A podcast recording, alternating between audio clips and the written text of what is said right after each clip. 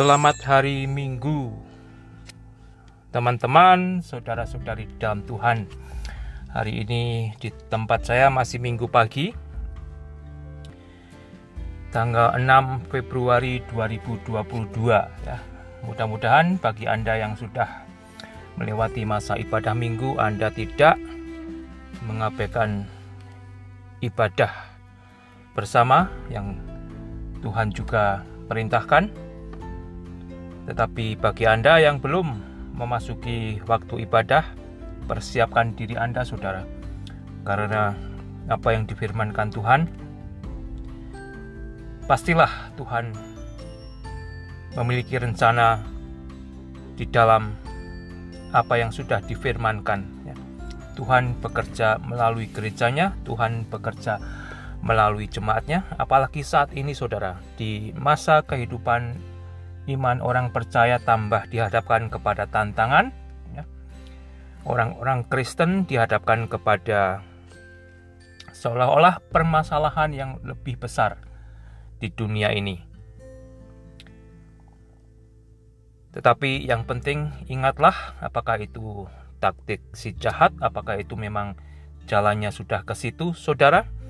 Tetapi kita tahu tambah hari, tambah mendekati masa akhir, tambah mendekati kedatangan Tuhan, hidup di dalam Tuhan tidak akan tambah mudah, tambah susah.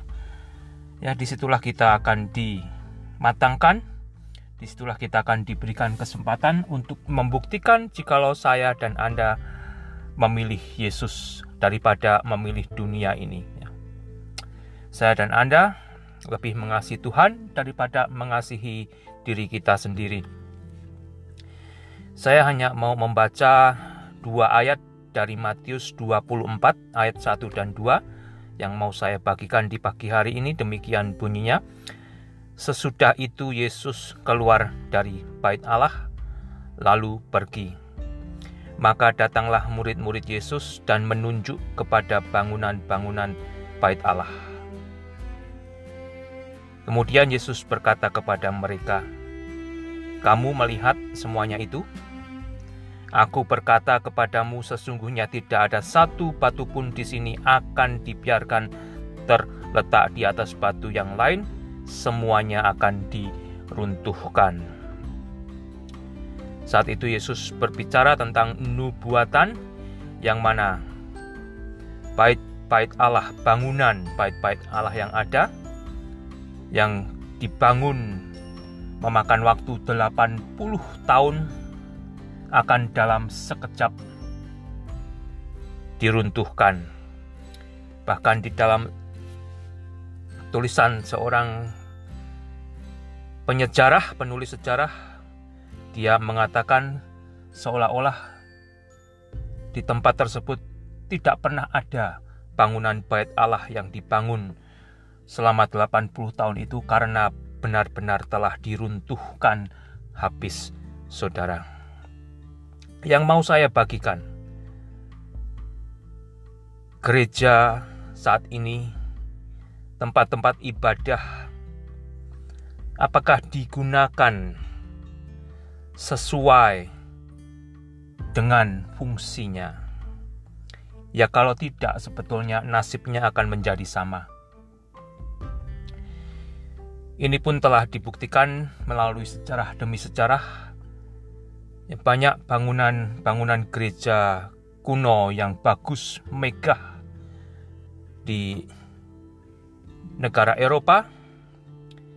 Mereka pernah menjadi gema Injil, saudara, tetapi karena perkembangan zaman, gereja tersebut akhirnya menjadi kosong. Gereja tersebut akhirnya tidak menjadi fungsi yang sebagaimana harus terjadi di gereja-gereja tersebut. Pada akhirnya gereja itu banyak yang diruntuhkan, banyak yang dijual, jadi museum, jadi tempat ibadah yang lain, ya. jadi restoran dan sebagainya. Sangat menyedihkan, tetapi itulah kenyataan yang terjadi di dunia ini. Tetapi yang lebih penting, saudara, bagi saya dan Anda, ketika kita diberikan tempat untuk beribadah. Jangan sia-siakan. Gunakan gereja di mana saya dan ada untuk menjadi pemberita Injil, untuk menjadi tempat di mana Tuhan bekerja, membangun jemaat, jemaatnya, membentuk jemaatnya, dan salah satunya adalah saya dan Anda.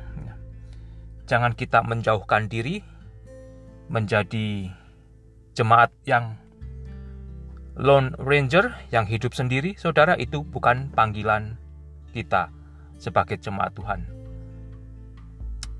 Jadi, saudara, fungsikan gereja Anda menjadi gereja yang selayaknya berfungsi bagi Kristus. Ya. Jangan hanya digunakan untuk melayani diri Anda sendiri Jangan dijadikan gereja sebagai tempat kumpulan sosial saja. Ya. Memang gereja adalah tempat di mana kita perlu bertemu dengan teman, dengan orang lain, dengan jemaat lain, tetapi lebih daripada itu, jangan abaikan hal yang utama. Menjadi tempat di mana Tuhan bekerja membentuk jemaatnya sehingga jemaatnya boleh membuahkan buah kehidupan Kristus. Ya, kalau tidak, saudara akan menjadi histori, ya, akan menjadi sejarah dan yang menyedihkan kalau sejarahnya adalah sejarah yang negatif. Saat ini sebetulnya bagi kita yang masih sadar ya, adalah masa-masa yang sangat amat ya, sangat amat